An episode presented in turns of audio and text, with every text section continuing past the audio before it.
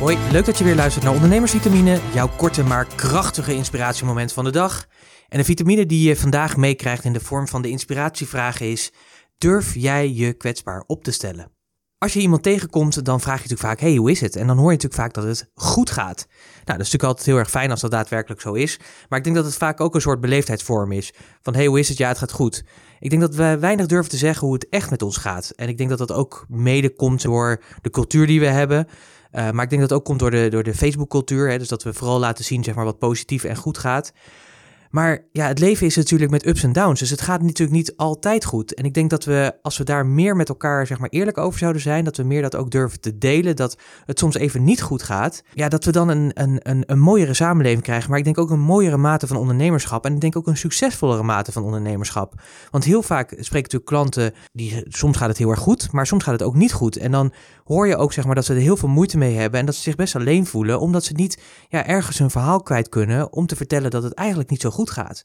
Mijn vraag is ook van, ja, hoe kwetsbaar durf jij je echt op te stellen? En zeker als ik kijk naar ja, collega-ondernemers die vergelijkbare dingen doen zoals ik, dus meer in het bedrijfsadvies zitten, in de business coaching.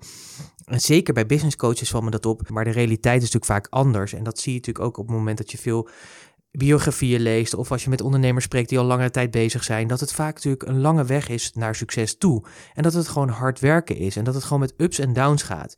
En ik denk dat we met elkaar een wat realistischer beeld zouden mogen neerzetten hoe het echt gaat.